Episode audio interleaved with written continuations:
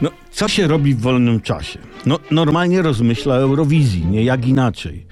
Biorąc pod uwagę charakter imprezy, tegoroczna edycja ma problem, bo nie ma jasnych przesłanek dla jury odnośnie tego, kto ma wygrać. Bo popatrzcie sami, Izrael nie wygra, bo festiwal jako lewicujący, a i sami jurorzy no, będą za Palestyńczykami, nie? Poza tym Izrael popierają Stany Zjednoczone, więc z oczywistych względów odpada.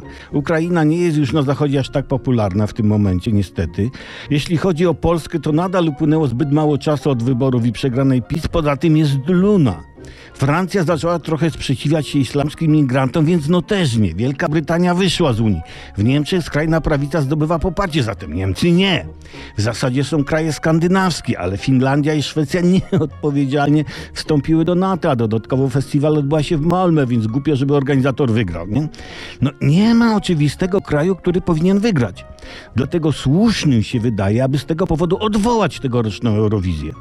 Bo wobec braku wytycznych mogłoby dojść do, do takiej niezręcznej sytuacji, w której to jakość piosenki stałaby się jedynym wyznacznikiem zwycięstwa.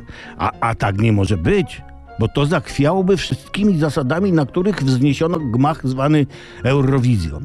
Zatem moim zdaniem poczekajmy na moment, aż wyklaruje się konkretny kandydat w kategorii politycznej, którego jury będzie mogło z czystym sumieniem poprzeć, bo bo moim zdaniem to nie ma co organizować Eurowizji na siłę, jak się nie wie komu dać nagrodę. Czyż nie jest tak?